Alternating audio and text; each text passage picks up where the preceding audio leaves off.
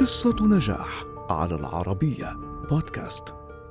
عارضة أزياء وممثلة وموسيقية ثم نجمة تلفزيونية وسينمائية مشهورة. هذا ما أصبحت عليه كريستين ريتر الطفلة بعد قطعها شوطا طويلا في عقدين.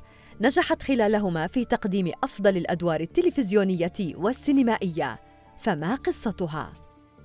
ولدت كريستين عام 1981 وترعرعت بمزرعة للماشية بضواحي بنسلفانيا في كنف والدتها وزوج والدتها حيث عاشت تفاصيل الحياة الريفية بحذافيرها فحلبت الأبقار وأطعمت الدجاج وأتقنت الأعمال المنزلية كما كانت تعتني بعجل شكل جزءا كبيرا من طفولتها وكانت قد أسمته جاك إضافة إلى كلب أليف أسمته ميكي.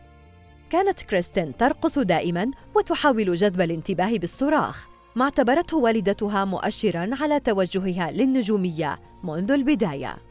بدأت كريستين أثناء دراستها الثانوية عروض الأزياء قبل أن تنتقل لنيويورك حيث تشاركت في غرفة واحدة مع ثماني إلى عشر فتيات وعاشت في غرفة بأسرة من طابقين. لكنها أيضا وجدت الطريق إلى العالمية وظهرت صورها في كتالوجات الأزياء العالمية كما قامت بعروض مهمة على المسارح بنيويورك وميلانو وباريس وطوكيو كما انضمت لفرقة Ex Vivian حيث قامت بالغناء وكتابة الأغاني وعزف الجيتار.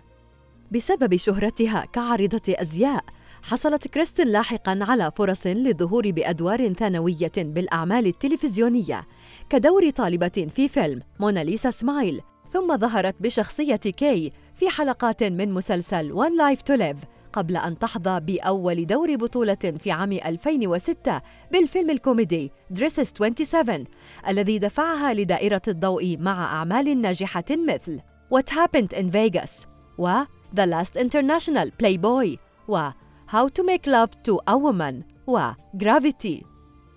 في عام 2011 ظهرت كريستين في ثلاثة أفلام من هوليوود وهي Killing Bono و Life Happens ومارغريت ثم خاضت تجربة ناجحة بالمسرحية التلفزيونية Don't Trust the B in Apartment 23 لكن شهرتها الأكبر ارتبطت بشخصية جيسيكا جونز ضمن سلسلة Marvel's وشخصية جين مارغوليس بالمسلسل التلفزيوني Breaking Bad حيث أصبح يشار إليها بالبنان كما حصلت على ترشيحات لجوائز مهمة وفازت بعدد منها أبرزها TV Lines Performers of the Week وويبي خلال مسيرتها قدمت كريستين أكثر من 16 فيلماً وجمعت ثروة تقدر بثمانية ملايين دولار وباتت الفتاة الريفية تسكن في منزل فاخر من الطراز الحديث يملأه أثاث فخم ويحاط بحدائق وحمام سباحة.